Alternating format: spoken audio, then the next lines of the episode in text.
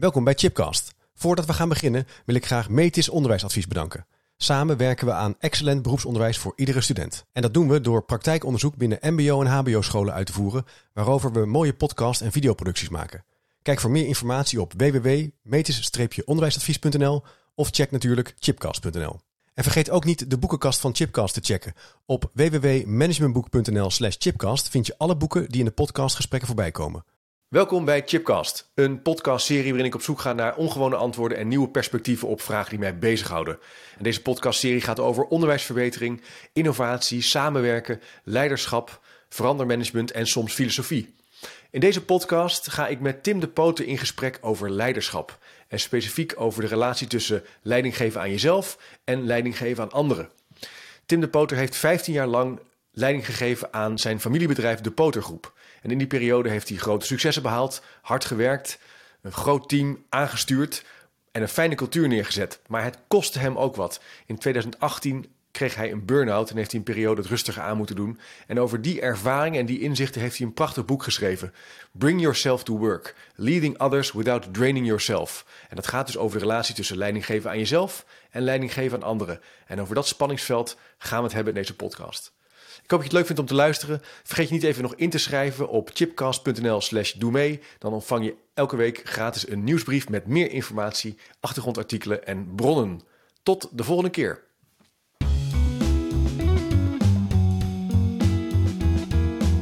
Hey, en dat, dat, dat familiebedrijf, zou je er iets over kunnen vertellen? Wat voor soort bedrijf uh, is dat?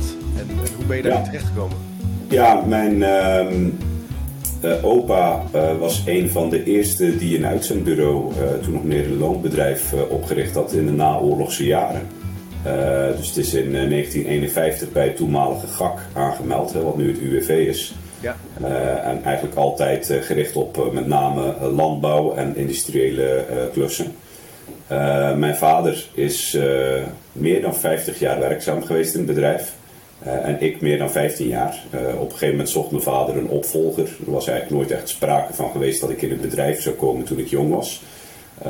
maar ja, hij, ja, van lieverlee is dat toch op een gegeven moment ter sprake gekomen. En ik zag dat wel zitten. Op dat moment was ik aan het werk in Brussel voor een accountantskantoor. Veel reizen, hard werken leuke baan, maar ik had zoiets van ik ben wel toe aan iets anders.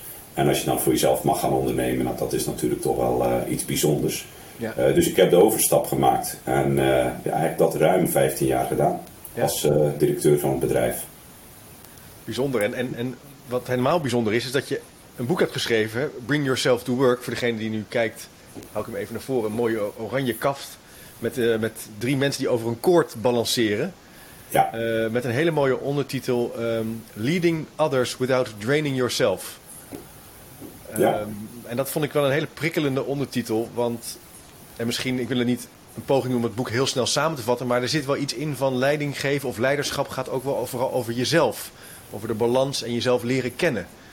Ja. En dat is wel een um, interessant perspectief. En jij gebruikt ook eigenlijk die ervaring van, van, van dat werk en dat, de leidinggevende rol die je dus in dat familiebedrijf hebt gehad als input en manier van kijken om dit boek te verkennen.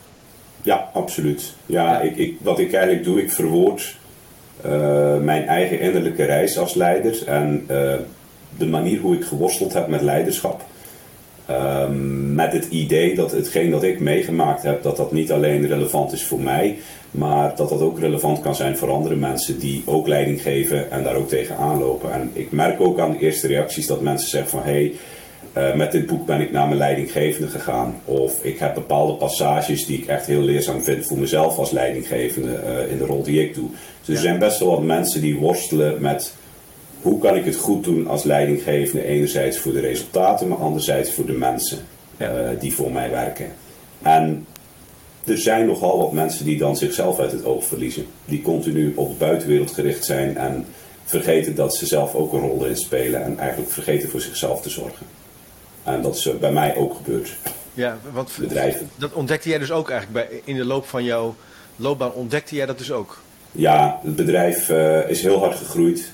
Uh, ik heb heel hard gewerkt, heel, hard, uh, heel veel gegeven. Ik voelde me ook heel erg verantwoordelijk voor alles wat uh, gebeurde in het bedrijf.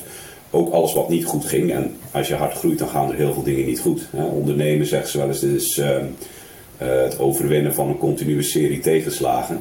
Dat klinkt wat negatief, maar zo is het wel. Je bent continu eigenlijk balletjes aan het wegmappen om een beter resultaat neer te zetten. En ja, ik, ik trok me dat dusdanig aan dat er eigenlijk continu energie weglekte bij mij. Dat ik continu mezelf ja, groter maakte dan ik eigenlijk was. Ik was wel de directeur en het hoofd van het bedrijf. Maar daarmee ben je nog niet verantwoordelijk voor alles wat er in dat bedrijf gebeurt en alles wat er fout gaat. Uh, en, en zo trok ik het me wel aan. Nou, dat heeft geduurd tot 2018 en toen ben ik uh, in een burn-out beland. Mm -hmm. uh, en na een x aantal maanden uh, ziek thuis gezeten heb, ben ik terug aan het werk gegaan. Wel met het idee van ja, nu moet ik het anders gaan doen. Want als ik nu terug op dezelfde manier aan de slag ga, ja, dan uh, kom ik binnen de kortste keren weer in een burn-out terecht. Dus dat heeft geen zin. Dus, uh, dat een, uh, ook wel een heel ingrijpende periode in je leven sowieso natuurlijk. Familiebedrijf, en, maar ook die periode van dus eigenlijk uitvallen. Uit moeten vallen en, wel, en, en tot een soort inzicht komen. En weer, en weer doorgaan. Ja, ja dat, dat is heel ingrijpend. Uh, natuurlijk niet uniek. Er zijn heel veel mensen die een burn-out meemaken. Ja. En, en ja, um, het, het bijzondere is, er zitten heel veel componenten in een burn-out. En als je op een goede manier naar jezelf gaat kijken, dan kun je daar sterker uitkomen. Dan kun je daar anders uitkomen. Maar het komt er bij mij toch wel op neer dat ik op een kruispunt kwam te staan van hoe wil ik in het leven staan? Hoe wil ik deze rol uitvoeren en hoe wil ik in het leven verder? Want um, in, in de aanloop naar mijn burn-out zat ik voortdurend te piekeren en te malen. Mijn hoofd stond nooit stil. En dat, dat was zeer onaangenaam voor mezelf, maar ook voor mijn omgeving. Ik uh, had op dat moment hadden we net kinderen gekregen, dus uh, jonge kinderen. Ja, ik was er nooit helemaal met mijn hoofd bij. Ik was altijd wat afwezig, omdat ik continu aan het piekeren was. Dus deels doe je het voor jezelf om aan de slag te gaan met jezelf, maar deels doe je het ook wel voor je omgeving. Want uh, alles wat je bij jezelf nog te verwerken hebt of niet goed opgeruimd hebt, daar heeft je omgeving wel de gevolgen van. En in dit geval was mijn omgeving was mijn gezin, maar zeker ook de collega's in het managementteam van het bedrijf en ook vrienden bijvoorbeeld of uh, andere mensen in de omgeving. Ja. die zagen allemaal het gaat niet goed en uh, het loopt niet lekker. Uh, maar uiteindelijk heb je zelf wel aan de knoppen te draaien om um, te doen wat je te doen hebt. En bij sommige mensen is het dan zo dat het eerst slechter moet gaan voordat het beter kan gaan. Dus, ja. Maar wat je zo in het begin vertelde, van ik had een heel sterk verantwoordelijkheidsgevoel. Ik wilde al die balletjes weer terugmappen. En groei, groei klinkt ook altijd wel goed, hè? Ja. dan denk je ook van, nou, we zijn goed bezig. Um, uh, ja, op, wat voor, wat voor, welk moment ontdekte je van, hé, hey, ik ben over een soort grens aan het gaan? Is dat, is, is dat dat hele kleine momenten of is er een soort groot inzicht geweest dat je dacht van, hé, hey, dit gaat te ver? Of, uh... Nee, dit is um, meerdere momenten eigenlijk dat je wel beseft van het zit niet goed, ik ben niet goed bezig, maar um, niet echt de mogelijkheid hebbende om er iets aan te doen. Nee. Dat je eigenlijk voelt van ik zit vast, ik, ik zit vast in een dynamiek die niet prettig is en ik raak er niet uit. He, ik ben uh, continu aan het malen, ik ben ja. continu uh, heel erg aan het micromanagen, ik ben continu uh, ja, in, aan het uit, in en uit aan het stappen in uh, mijn betrokkenheid aan, met het bedrijf. En ik loop vast. Alleen je kunt er niet echt iets aan doen. Het is pas naderhand door wat afstand te nemen dat ik ook afstand kon nemen in mijn hoofd. Uh, en een van de zaken die daar ook heel belangrijk in is geweest, is beginnen mediteren. Uh, dus regelmatig uh, bezoek ik een stiltedag. Gaan we met een aantal ondernemers gaan we gewoon een dag de stilte in om te mediteren. En dat heeft mij geholpen om uiteindelijk ook het wat ja, minder druk in mijn hoofd te maken, zeg maar. Ja. Uh, want er was continu aan een stemmetje aan de gang van je moet dit, je moet dat, je moet zus, je moet zo. Ja. En het is allemaal niet goed. En dat stemmetje dat werd op een gegeven moment wat, wat stiller en kwam wat meer op de achtergrond te staan.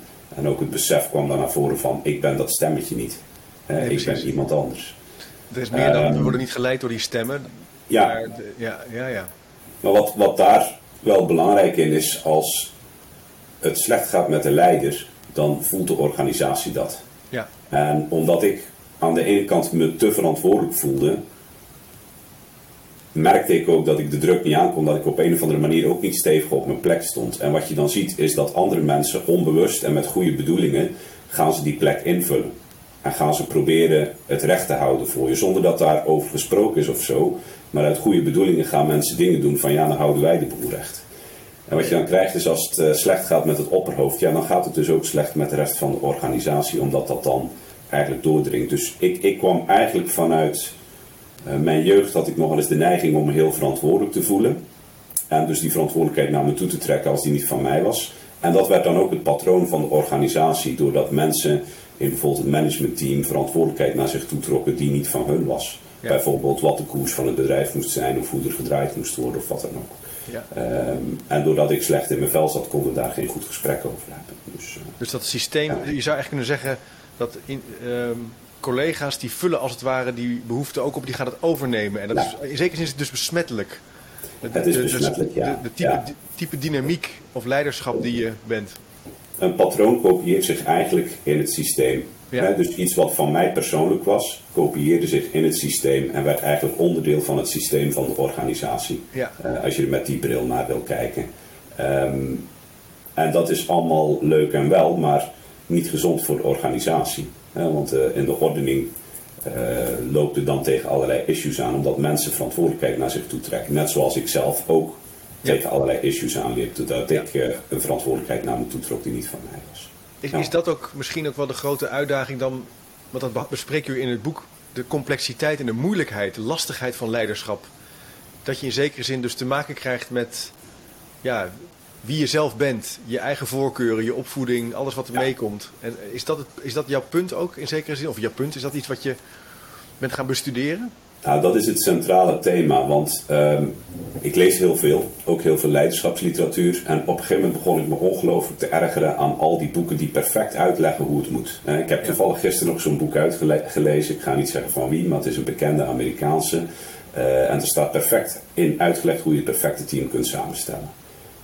Fantastisch. Ja. Alleen ik heb zoiets van, ja, maar zo gaat het niet in de werkelijkheid. Want in de werkelijkheid loop ik tegen mijn eigen frustraties aan en je hebt mensen die in de weerstand gaan, die hun eigen filter of hun eigen manier van doen hebben.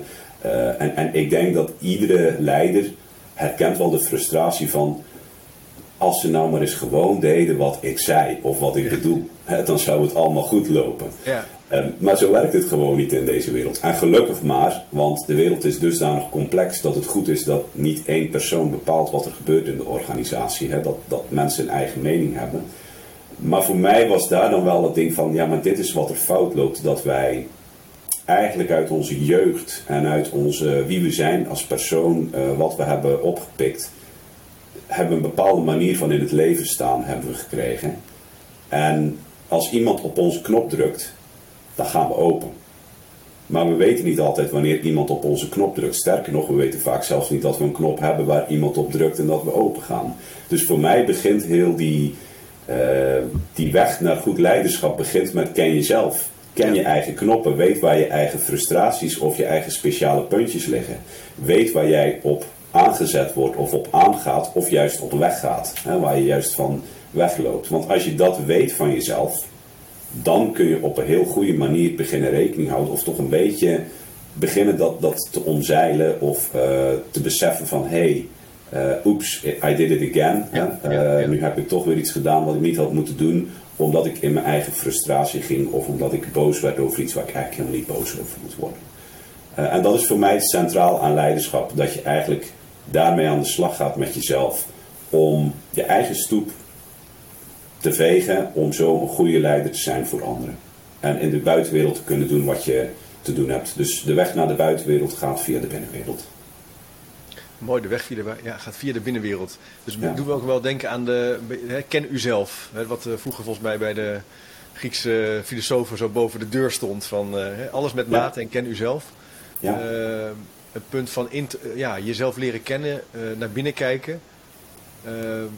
maar ja, we leven wel in een enorm resultaatgerichte wereld. Hè? Wat jij, dus alles moet snel, hè? als er groei kan zijn, dan moeten we het halen gas geven, 24-7, de economie, social media. Al, dat zijn ook allemaal prikkels. Ja, je zou eigenlijk kunnen zeggen, je bent oneindig aan het werken vandaag de dag. Klopt, ja. Er is wel een grote, grote roep volgens mij voor zingeving. Hè? Die, is, die is heel sterk gaande. Um, dus is het een, zie je het een soort, als ook een soort tegenwicht? Ja, ik, ik denk dat er zijn twee zaken daarin. Hè. Um, aan de ene kant denk ik dat ik, ik, voel die continue versnelling ook en die complexiteit in de wereld. we hebben nu de pandemie gehad, we hebben uitdagingen op het gebied van klimaat. er zijn heel veel uitdagingen die op ons afkomen, op bedrijven. En je ziet dat bedrijven vaak nog altijd in de oude manier van denken zitten van nou we plannen voor de komende vijf jaar, hebben we een strategische planning en een roadmap en we gaan een hele hoop meetings daarin doen. Heel veel van die zaken helpen natuurlijk niet meer in deze wereld. Dus in die zin zou je ook heel veel meetings kunnen laten en die tijd nemen om jezelf wat beter te leren kennen en wat te mediteren en of iets anders te doen wat jou helpt om uh, beter tot jezelf te komen. Nu, ja het doel is uiteraard niet om maar zelf heel erg op een matje verlicht te zitten worden. Het is wel het doel dat je uiteindelijk iets te doen hebt in de buitenwereld. En er is niks mis met resultaatgericht. Ik denk als ik naar mezelf kijk als leider, ik, ik had voor mezelf de wens om een heel menselijke organisatie neer te zetten. Een organisatie waar mensen graag wilden komen werken. Eh, maar daardoor ging het met de resultaten niet altijd even goed. En mensen worden juist geprikkeld door goede resultaten met, eh, met z'n allen te bereiken. Eh, dus ik denk dat een goede leider weet ook te navigeren tussen resultaatgericht en mensgericht.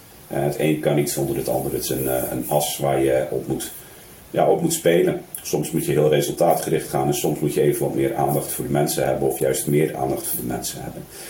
En ja, dat, dat, daar zit eigenlijk wel de uitdaging in. Ehm, goed met mensen verbinden, goed met teams verbinden, eh, en toch het hoofddoel of de resultaten niet uit het oog verliezen. En ook het feit dat die kunnen wijzigen doordat de context zo snel wijzigt. Mooi. Nou, daarin is overprikkeling is daarin dodelijk. Dus ja, kan iedereen ook aanraden om overprikkeling te vermijden. En overprikkeling uh, is dus het, het constant hebben van vergaderingen, meetings, e-mails. Uh, wat, dat bedoel je met overprikkeling, denk ik? Ja, het Constant, de constante input van, uh, en niet alleen dan meetings en e-mails, dat is dan al redelijk uh, old-fashioned. Wij hebben het uh, ook hoor in het bedrijf, maar je hebt natuurlijk ook nog bedrijven waar ze met Slack zitten, waar ze met nog een andere chat zitten, waar nog WhatsAppjes binnenkomen, waar nog. Uh, Zeker. ga zo maar door. Dus de continu en social media, hè, dan drie, vier social media kanalen die bijgehouden moeten worden, waar continu informatie binnenkomt, waarop gereageerd moet worden. Ja. En het, het is. het, het leren kennen van jezelf, dan besef je ook van hé, hey, wij zijn heel gevoelig de meeste mensen zijn best wel gevoelig bedraad. En die overprikkeling kan, kan heel fijn zijn, maar kan ook heel schadelijk zijn. En in mijn geval heb ik er vrij radicaal voor gekozen om heel veel social media te bannen. En ook te zorgen dat ik gewoon rustige tijd heb om. Uh, nu ben ik inmiddels gestopt als leider uh, van de organisatie, maar ook toen ik nog leider was, pakte ik echt wel tijd om te kunnen denken en om te kunnen reflecteren van wat is er nu belangrijk. Ja. En ik denk dat dat een belangrijk is voor leiders om, om wel ook die ontspanning te zoeken. Uh, en, en, met zichzelf bezig te zijn. Om vervolgens uiteraard in de buitenwereld weer iets te doen.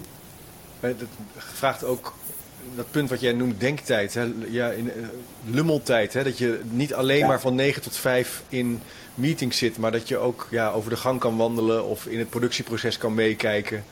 Ja. Een ontmoeting kunt hebben zonder dat er meteen uh, een agenda is gemaakt. Maar ja. dat is iets wat we eh, nou, ik merk het zelf ook uh, aan de hogeschool waar ik werk. Ja, we hebben het liefst natuurlijk vergaderingen en ontmoetingen en het idee van resultaten. Terwijl ja, die wandeling die je maakt, of terwijl je op het bankje even naar de, nou ja, eh, in het park zit, kan je. Enerzijds laat het je ook weer op, maar het geeft je vaak ook weer rust en het helpt je ook om op afstand te kijken naar wat je eigenlijk doet veel creativiteit komt op zo'n bankje in een park natuurlijk tot leven. Hè? Of s'nachts ja. in bed. Hè? Ja. Sommige, ik geloof dat, dat, Einstein een boekje naast zijn bed had om te kunnen ja. schrijven s'nachts en ook anderen. Uh, en inderdaad, die lummeltijd missen we, maar ook die ontmoetingstijd. En dat is natuurlijk typisch pandemie gerelateerd dat mensen niet meer naar kantoor kunnen komen en daardoor eigenlijk die toevallige ontmoetingen niet meer hebben. En voor sommige mensen is dat prettig omdat ze graag thuis uh, zitten omdat ze dan prettiger en productiever kunnen werken. Uh, en tegelijkertijd zijn die ontmoetingen ook belangrijk. Ja. Uh, dus we zullen in de toekomst wel naar een hybride model toe evolueren, waar mensen zelf een beetje pick and choose kunnen doen hoeveel tijd op kantoor ze prettig vinden. Ja. Uh, bij ons in het bedrijf zijn er een aantal mensen die willen graag 100% op kantoor zijn, omdat het sociale gebeuren op kantoor voor hen gewoon heel belangrijk is. Ja. Nou, dan moet je dat ook respecteren. Ja, en die mensen zoveel mogelijk faciliteren om naar kantoor te kunnen komen. Ik moet denken aan dat punt wat je net even noemde. Ik heb net een boek gelezen, een beetje een gek bruggetje, maar toch even proberen te maken. Is, is een beetje een heftige titel. Dat boek heet The Denial of Death. Het ontkennen van de dood. Het gaat, is een filosofische verkenning waarom mensen, waarin wordt onderbouwd dat mensen eigenlijk van essentie bang zijn om dood te gaan. En dat proberen te overkomen door dingen te maken. Dat ons creatieproces een hele belangrijke uiting is om om te gaan met nou, het feit dat als je geboren wordt, je eigenlijk al vrij zeker weet dat er op een gegeven moment een, uh, een stopbordje komt. Ehm, en dat, en die, die auteur zegt ook dat dat creatieproces eigenlijk een fundamentele levensbehoefte is van mensen. Dus iets moois maken, iets maken wat ertoe doet, iets wat blijft, hè, heroïs zou je kunnen zelfs zeggen. Het idee dat je later herinnerd wil worden, dat dat een, eh, een punt is. En daarom willen we ook dingen maken en creëren en uh, iets achterlaten. Het punt is natuurlijk dat die. En dat vond ik op zich een heel interessant perspectief. Het, tragische is in deze tijd dat we in een soort economische maatschappij leven. waarin er allerlei social media en prikkels zitten. op dat productieproces. waarin we een beetje slachtoffer beginnen te worden van dat, van dat redeneren. Want dat zijn natuurlijk hypermoderne algoritmes. Uh, nou ja, je noemde al even al die portals, platforms. Um, die verleiden ons ook om constant met dat creatieproces bezig te zijn. En dat gaat natuurlijk ook weer niet goed, want dat put enorm uit. Ja, ik, ik vind het wel een prikkelende die je nu brengt. Want aan de ene kant zie je natuurlijk dat veel meer mensen op zoek zijn naar zingeving in hun werk. En ja. werk moet plotseling iets zijn waar je existentieel vervuld van wordt. Terwijl het vroeger gewoon was van ja, het betaalt de huur of de hypotheek. En nu moet het plotseling ja, zingeving zijn. Ja. Um, en als jij dan komt te overlijden en op je sterfbed legt en zegt van hé, hey, wat heb ik gecreëerd? Ik heb de Excel-sheets ingevuld. Ja, dat, dat pakt natuurlijk niet helemaal. Dus er zijn steeds meer mensen die dan naar hun werk kijken en zeggen ik vind dit saai en uh, dodelijk werk, dus ja. ik doe het niet. Ja. Aan de andere kant zijn er dan ook heel veel mensen die het prima vinden om die Excel-sheet in te vullen, omdat het sociale gebeuren op het werk het compenseert, dat, dat het werk ja, zelf inhoudelijk niet zo... Uh, en als het dan gaat over social media, ja, dat, dat is natuurlijk funest voor het zelfvertrouwen. Want wat jij ook creëert, er zal altijd wel iemand zijn die op social media het net even iets mooier weet te verwoorden. Of het net even iets uh, prettiger weet te doen. Waardoor je heel onzeker wordt. Het is echt voeding voor uh, de, de uh, ja, fake news radio in je hoofd. Die zegt dat jij het toch wat aflegt tegen anderen. Ja. Als ik bijvoorbeeld ook kijk naar op LinkedIn de hoeveelheid mensen die een boek schrijven. Ja. ja. Dat is natuurlijk funest voor mijn zelfvertrouwen. Want wat, wie ben ik dan om een boek over leiderschap te schrijven? Er zijn er al zoveel. Wie gaat dat boek willen lezen? Ja. Uh, maar goed, daar moet je overheen, daar moet je eigenlijk doorheen prikken ja. voor een stukje. En beseffen dat mensen alleen hun mooiste dingen op social media zetten. En niet hun, ja, toch wat, wat moeilijke dingen, hun worstelingen, hun schaduwkantjes. Nee. En daar heb ik dan denk ik een onderscheidend boek mee geschreven door dat juist wel te doen. Door de kwetsbaarheid ook uh, te durven omarmen.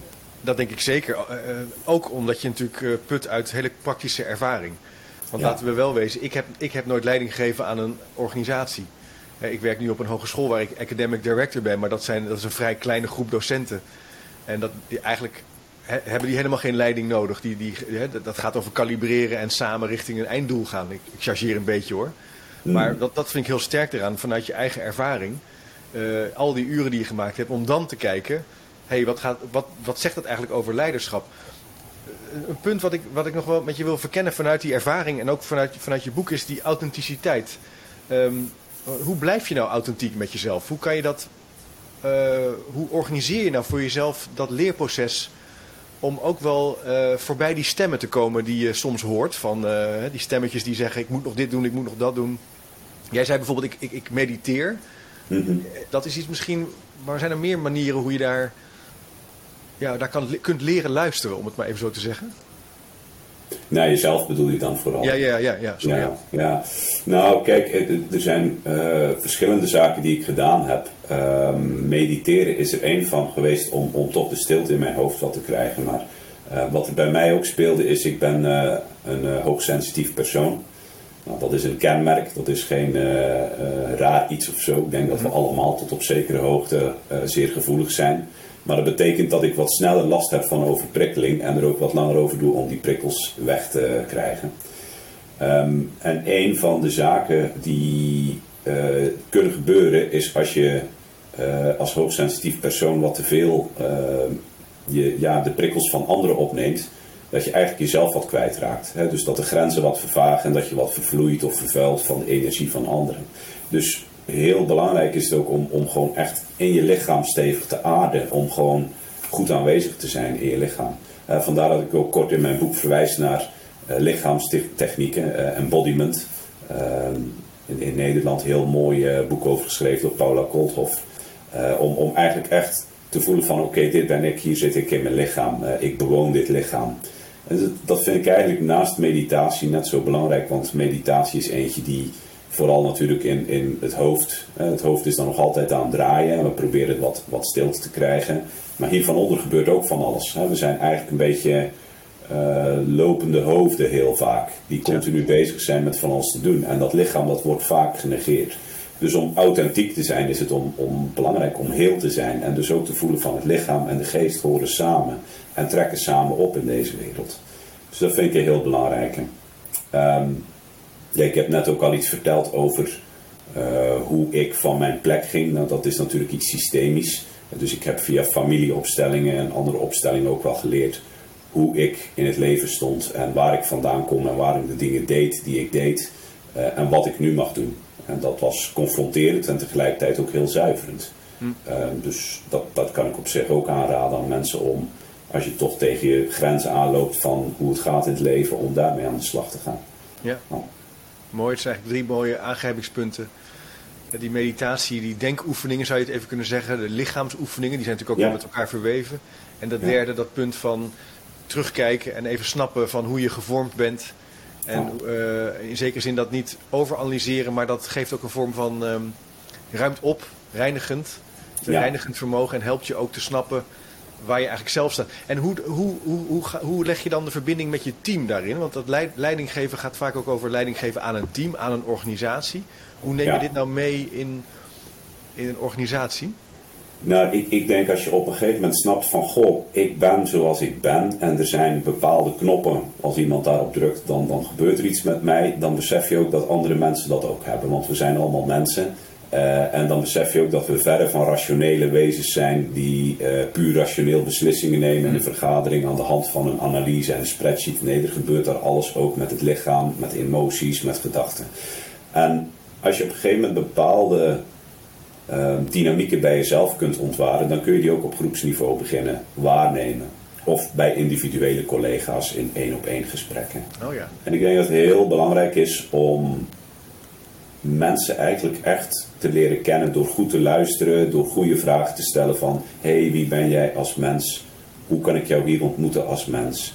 En daardoor komt er een, een, op een gegeven moment een sfeer waardoor je met elkaar ook wel eens van mening kunt verschillen. Wat spannend is voor mensen in het geval als ze van mening verschillen met de directeur. He, ga er maar eens aan staan. Ja. Mensen vinden dat spannend, dus dat gaan ze niet gauw doen. Hè. Laat mijn mond maar houden. Ja. Het is natuurlijk heel belangrijk, omdat de directeur niet alles weet in deze complexe wereld, is het heel belangrijk dat mensen wel zeggen wat ze te zeggen hebben en kunnen zeggen wat ze te zeggen hebben. Ja. Um, en dat, dat komt op interpersoonlijke uh, um, vaardigheden aan. Ik, ik, sprak onlangs iemand die zei: Goh, ik heb een nieuwe manager. Ik zeg: Nou, uh, hoe is het? Ja, nou, we hebben kennis gemaakt. Uh, alleen daar zaten drie andere collega's aan. Uh, dus het was niet uh, één, één op één kennismaking. Het was met vier mochten wij kennis maken met hem. We hadden een uurtje, hij heeft drie kwartier gepraat en dan mochten we nog een kwartiertje vragen stellen. Ja, ja, ja. Ik zeg, goh, wat vind je daarvan? Nou, hij zegt, ik denk niet dat het gaat worden met de samenwerking met deze manager. En iedereen voelt dat toch aan van, ja, maar zo kun je toch geen verbinding leggen met andere mensen en ze tot topprestaties uh, aanmoedigen of tot uh, een sfeer aanmoedigen waarin ze hun mening gaan geven. Ik bedoel, de eerstvolgende vergadering is die persoon waarschijnlijk weer heel erg veel aan het woord om te zeggen wat hij ervan vindt. En zijn mensen denken, nou, dit, dit en dit loopt niet goed, maar ik ga maar niks zeggen. Ja, en dan gaat het fout met de organisatie. Ja. Ja, je zou eigenlijk, eigenlijk had, had ik misschien wel gehoopt en gedacht, 15 jaar geleden, 20 jaar geleden, toen ik zo'n beetje begon met werken van dit wordt ook de tijd waarin er wel meer aandacht kan zijn voor, of tijd kan zijn voor aandacht, voor eh, met elkaar uh, goed gezelschap zijn, hè, in zekere zin. Uh, maar het lijkt wel tegenovergestelde, op basis van zo'n voorbeeld, dat we dus heel erg gehaast zijn. Inderdaad, in zo'n uur, ik herken dat ook wel, even voorstellen en hup door naar de inhoud. Mensen worden ook vaak heel zenuwachtig als er bijvoorbeeld, dat merk ik zelf ook in mijn rol, als ik een, een middag begeleid met, met een schoolteam of een, uh, een, een dag begeleid met een uh, directieteam, als er geen agenda is, als er geen inhoudelijke doelen zijn, dan is dat toch een beetje van, uh, ja, maar wat gaan we dan doen? Hè? Terwijl als je zou zeggen, nou, maar we zijn toch met z'n allen, dat kunnen we toch gewoon, we kunnen toch even landen en dat, we kunnen toch ter plekke die agenda maken. Ja. Dan, is dat, dan voelt dat heel erg ehm, ja, ongestructureerd, maar ook wel een beetje zwak. Hè? als, ook als adviseur in zekere zin. Van ja, dat is niet goed hè. Dat, je moet toch de targets en de doelen. Ja, ja, ja. ja. Ja, op zich is het niet slecht om gekaderd te werken. Hè? Om vanuit een kader te zeggen, we gaan iets vormgeven. Ja. Eh, maar wat je zegt over het, het, het, sneller gaan en het elkaar niet ontmoeten, dat herken ik wel. En ik vind dat daar de verantwoordelijkheid bij de leider ligt om te helpen vertragen, zodat je kunt versnellen. Want als het, het creatieproces, de co-creatie, uh, goed loopt, dan is dat omdat je eerder in het proces dingen zo hebt vormgegeven dat mensen zich senang voelen en weten van hé, hey, wat er ook gebeurt, als mens ben ik oké in deze organisatie. En vanuit die psychologische veiligheid, daar vertrekt heel veel vanuit, want dat gaat dus inderdaad over inclusie, mensen insluiten. Uh, ongeacht dat ze, uh, en ook over diversity natuurlijk, en ook over het voorkomen van MeToo bijvoorbeeld, hè, machtsmisbruik en, en schandalen die ja, onlangs uiteraard volop in de media geweest zijn. Um, ja, een, een sfeer creëren van het is oké om te zijn wie je bent en iedereen mag hier veilig naar het werk komen. Ja, dus door niet alleen te zenden, maar ook te ontvangen, pik je op wat er nodig is in het grotere geheel. Om te zorgen dat het veilig is en dat mensen met informatie komen. En dat is dus heel anders dan zeggen: ja, maar mijn deur stond open, het loket was open, waarom ben je niet komen melden? Maar Timmy, hoe kijk jij dan naar dat, het, punt van hiërarchie? Want in een organisatie, ehm, daar zijn wel, uh, ja, je zei het net al even, het kan spannend zijn als, als vakman om tegen je CEO of directeur te zeggen: joh, die, die, die targets zijn, die, die zijn onzin. Of ik voel me niet goed. Of ik, dit idee is. Die hiërarchie roept altijd iets van afstand op en ongelijkheid. Ja. Uh, aan de andere kant, uh, ja, het, het, is ook een, het, het, werkt ook. Hè? Er, zijn, bedoel, er zijn ontelbaar organisaties die een hiërarchie hebben. Ja. Hoe kijk jij daar nou naar? En hoe heb, je dat, hoe, hoe heb je dat in het boek proberen te verkennen, dat idee van hiërarchie? Nou, laten we zeggen dat ik ehm, zo'n beetje iedere managementtrend die daarover uitkwam probeerde toe te passen tot groot ongeluk van mezelf en mijn organisatie. Hoe ik er nu naar kijk is, uh, kijk, er zijn hele mooie boeken geschreven door Jitske Kramer en Danielle Brown over hoe wij als mens, wat wij te leren hebben van de antropologie, hoe wij een tribe vormen. En in die tribe heb je nu eenmaal een stamhoofd en een shamaan die een andere rol hebben dan de rest van de tribe. En dat stamhoofd, dat is niet iemand die beter is dan de rest. Sterker nog, die moet heel veel tijd besteden aan sociale weefsel in de organisatie, aan, aan de bedrading tussen mensen. Uh, maar het is wel iemand die uiteindelijk de richting mee helpt bepalen en de knopen doorhakt daar waar nodig. Mm. Dus het is een faciliterende rol voor mij. Mm. Dus hiërarchie, die is er van nature. Die kun je niet ontkennen. Uh, er is altijd hiërarchie. Ook in een volledig zelforganiserend team krijg je altijd een paar mensen die zeggen: Nou, wij, zijn, wij staan boven de anderen doordat ze er langer zitten of wat meer kennis hebben of wat ook niet. Dus dan heb ik liever een officieel benoemde hiërarchie waarin uh, er een leider is die gewoon vanuit zijn positie of in mijn geval vanuit het feit dat ik eigenaar ben in de ordening hoger komt. Maar het is wel aan die leider om zichzelf kleiner te maken, klein genoeg te maken om mensen de ruimte te geven. Ja. En dat betekent zorgen voor veiligheid, dat betekent net zo lang praten met mensen dat ze het niet meer spannend vinden om in dialoog te gaan of in. Uh, en, en ik herinner me nog, ik had op een gegeven moment iemand die voor mij kwam werken, die direct aan mij ging rapporteren. En die was eigenlijk opgeklommen vanuit uh, ja, de medewerkersrangen. En, kwam, uh, en op, na ons eerste gesprek zei ze: Nou, ik vond het minder spannend om met jou te praten dan ik dacht. En toen dacht ik: van, hè, ook maar een mens. maar dit is wel hoe het werkt. Mensen vinden dat spannend. Ja. Dus ik denk dat het belangrijk is als leider zorg dat het minder spannend wordt, dat die intermenselijke warmte er is. Uh, en zorg ook dat er veel autonomie is. We werken met, uh, in de meeste gevallen met professionals. En spijtig genoeg zie je vaak juist dat er meer en meer toegespitste taakjes zijn, deeltaakjes van, nou jij gaat alleen nog maar hierover. Je wil juist dat mensen hierover gaan en dat ze dat zelf mogen bepalen hoe ze dat invullen. Dus ja, niet ik denk dat, wat, dat het hier ook, hoe.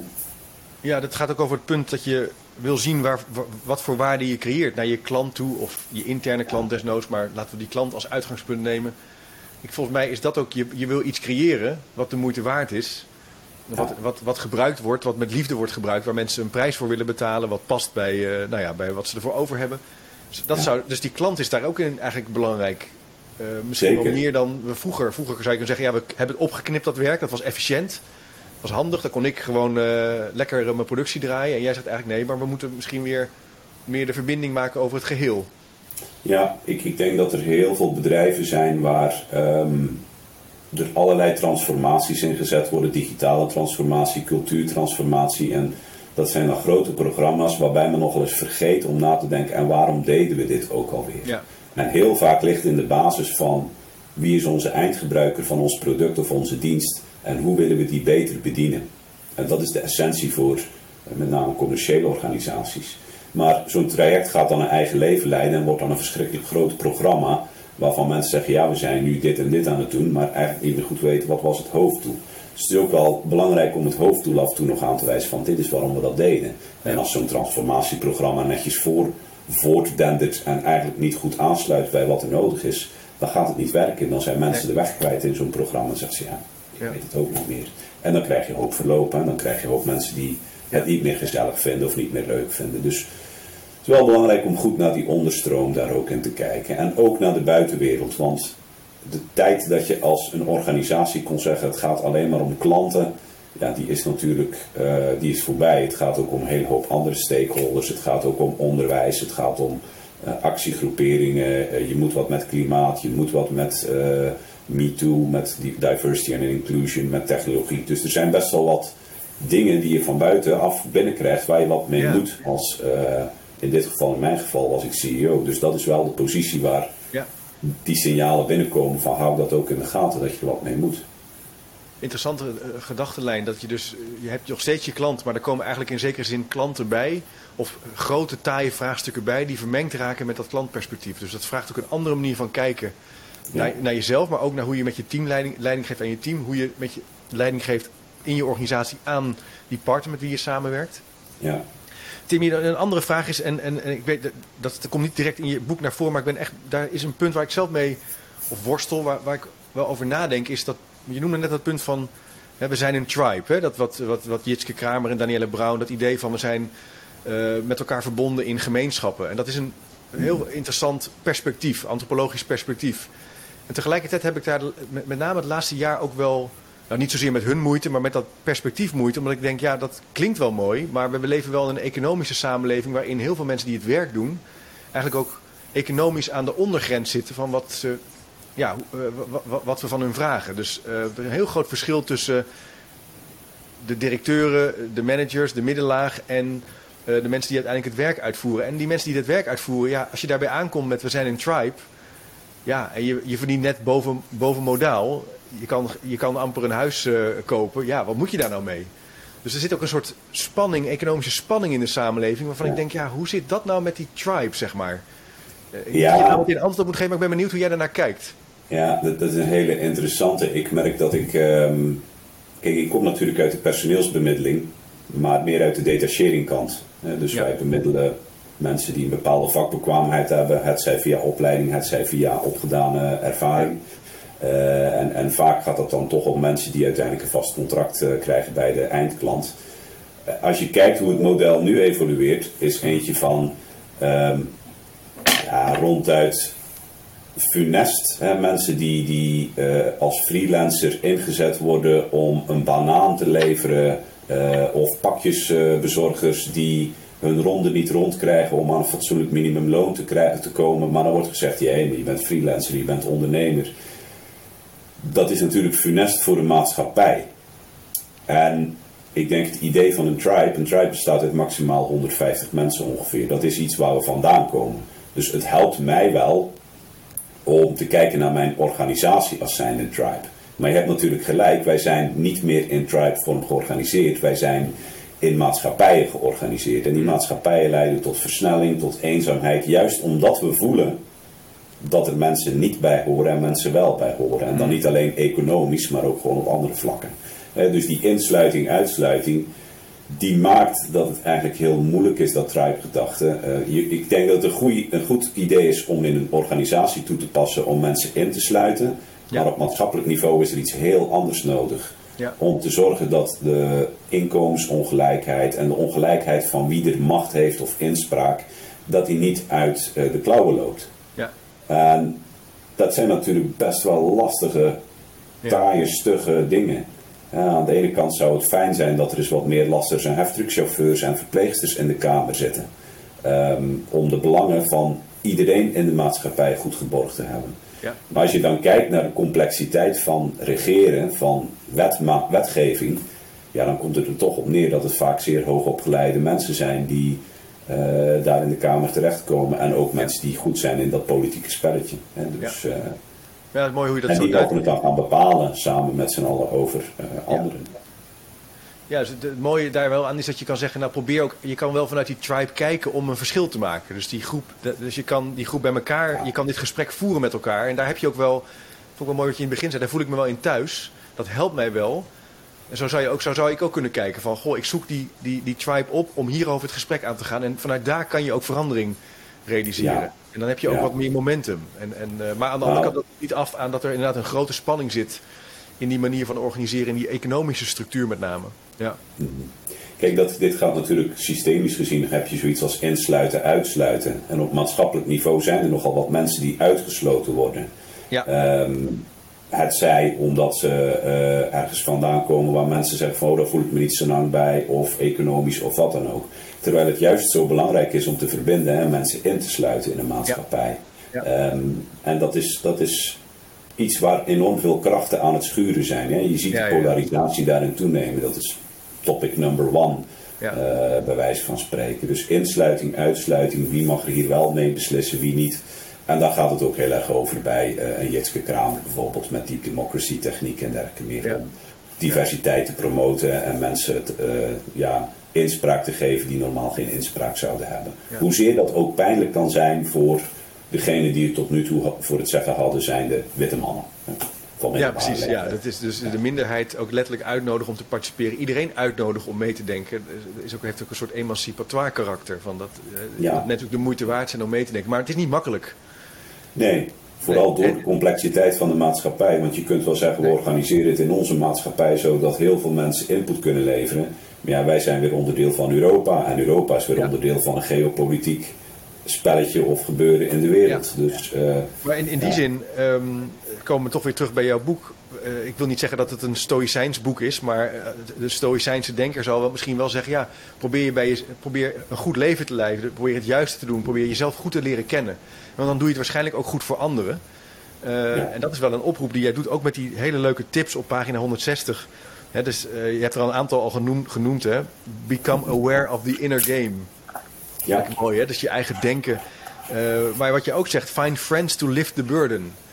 Dus zoek elkaar ook op om uh, dat wat je moet dragen lichter te maken in zekere zin. Ja, ja, en wat ik daar nog wel over wil zeggen in het geval van leidinggevende is dat natuurlijk vooral zoek een aantal uh, mensen die in dezelfde situatie zitten. Dus peer groups zijn heel belangrijk daarin. Om eigenlijk met andere CEO's of leidinggevenden om daar een keer mee te kunnen accederen over van waar loop ik tegenaan, waar loop jij tegenaan. Dus ja. ja. Mooi, mooi. En um, show some compassion. Vond ik ook een mooie uh, compassie. En zeker, ja, vorige week is de, de, zen-boeddhist uh, Thich Haan overleden op 95-jarige le 95 leeftijd. Die natuurlijk ook compassie als... als zij wordt nou geen boeddhist, maar probeer rustig te mediteren en rustig na te denken en compassie te tonen voor de ander om je heen. Dan doe je het al heel goed. Moest ik even aan denken. Dat, dat laat je ook heel mooi zien in de, in de tips. Nou, de mooiste quote, ik heb een paar quotes opgenomen in mijn boek en de mooiste quote komt van hem. Uh, en dat is de quote van You don't have to run anywhere else to become somebody else. Uh, you are good enough as you are. En ja. dat is een heel belangrijk stuk mildheid naar jezelf van. Ja. Het hoeft niet altijd maar sneller, beter, anders. Nee. Uh, wees gewoon, kom gewoon tot rust bij jezelf. En van daaruit kun je heel veel goeds doen in je eigen leven. dat is natuurlijk het, het, het, toffe aan je boek. Dat je de, de, paradox is dat als je dat doet, je misschien wel heel bijzonder versteld gaat zijn van de stappen die je kunt zetten. Maar dat je dat op een manier doet die veel meer past bij je eigen energie. Uh, en, en, dat je jezelf ook uh, daarbij uh, leert kennen. Ja, Timmy, ontzettend leuk. Bring yourself to work. Het is overigens in het Engels geschreven. Ja. Leading others without draining yourself. Waarom eigenlijk als laatste vraag? Waarom, want ik vind het leuk. Ik, ik heb het met plezier gelezen. Maar um, heb jij ook internationale aspiraties misschien? Nou, uh, er zit op zich wel een grappige anekdote achter. Ik, werd, uh, uit, ik volgde een coachingopleiding en uh, een van de mensen die de coachingopleiding gaf, die daagde mij uit. Die zei van, nou, wat, wat zijn jullie dromen? En iedereen had wel een droom die ze opnoemde. Ik zei, ik zou nog wel eens een boek willen schrijven. en die dame stuurde me een sms en zegt, nou er is zoiets als de 30-day writing challenge. Nou, ik zeg, als ik daaraan mee ga doen, wat, wat win ik dan? Ja, niks, want dat lukt je toch nooit. Uh, ja, dat moet ze niet tegen mij zeggen. Dan word ik toch een klein beetje. Uh, laten we erop houden dat we een goede fles champagne ingezet hebben. En dat ik die gewonnen heb en ook gedeeld heb met de groep. Uh, was een heel mooi moment. Maar ik ben eigenlijk als van nature die 30-day writing challenge vervolgens ook gewoon in het Engels gaan schrijven. Omdat alle instructies in het Engels waren. Toen dacht ik, ja, dat is ook wel makkelijk. Want dan, hè, dan kun je het makkelijk op Amazon zetten of wat dan ook. Totdat ik zo'n beetje achter het Amazon-model ging zoeken en dacht van, hmm, dat is toch ook allemaal zo fris niet. Nee. ben ik toch uiteindelijk gewoon bij een Belgische uitgever terechtgekomen. Die ook heel erg goed distributie en marketing en dergelijke meer doet. Ja, dus wat dat betreft ben ik gewoon blij dat zij het hebben willen uitbrengen. Maar ja, soms brengen dingen je naar een andere taal in dit geval. Uh, en het heeft mij wel uh, ja, het was een mooie uitdaging om het in het Engels te schrijven. Dat ik kan me voorstellen. Het, is nog, het is nog steeds uh, voor iemand. Ik, ik, ik, lees graag uh, en ik lees ook wel in het Engels, maar het is heel goed te volgen. Het is helder geschreven. Veel voorbeelden en met, met hele praktische tips ook. Ik noem wel even die op pagina 160. Ik zou zeggen, als je nu luistert, uh, ik zal het boek even op de boekenplank plaatsen van Managementboek. Daar komt hij ook te staan. Bringing Yourself to Work van Timmy de Poter. Leading Others Without Draining Yourself. Timmy, dankjewel voor, voor je tijd ontzettend leuk om uh, met je over dit boek in gesprek te gaan. En uh, ik blijf je graag volgen. Super, hartstikke bedankt.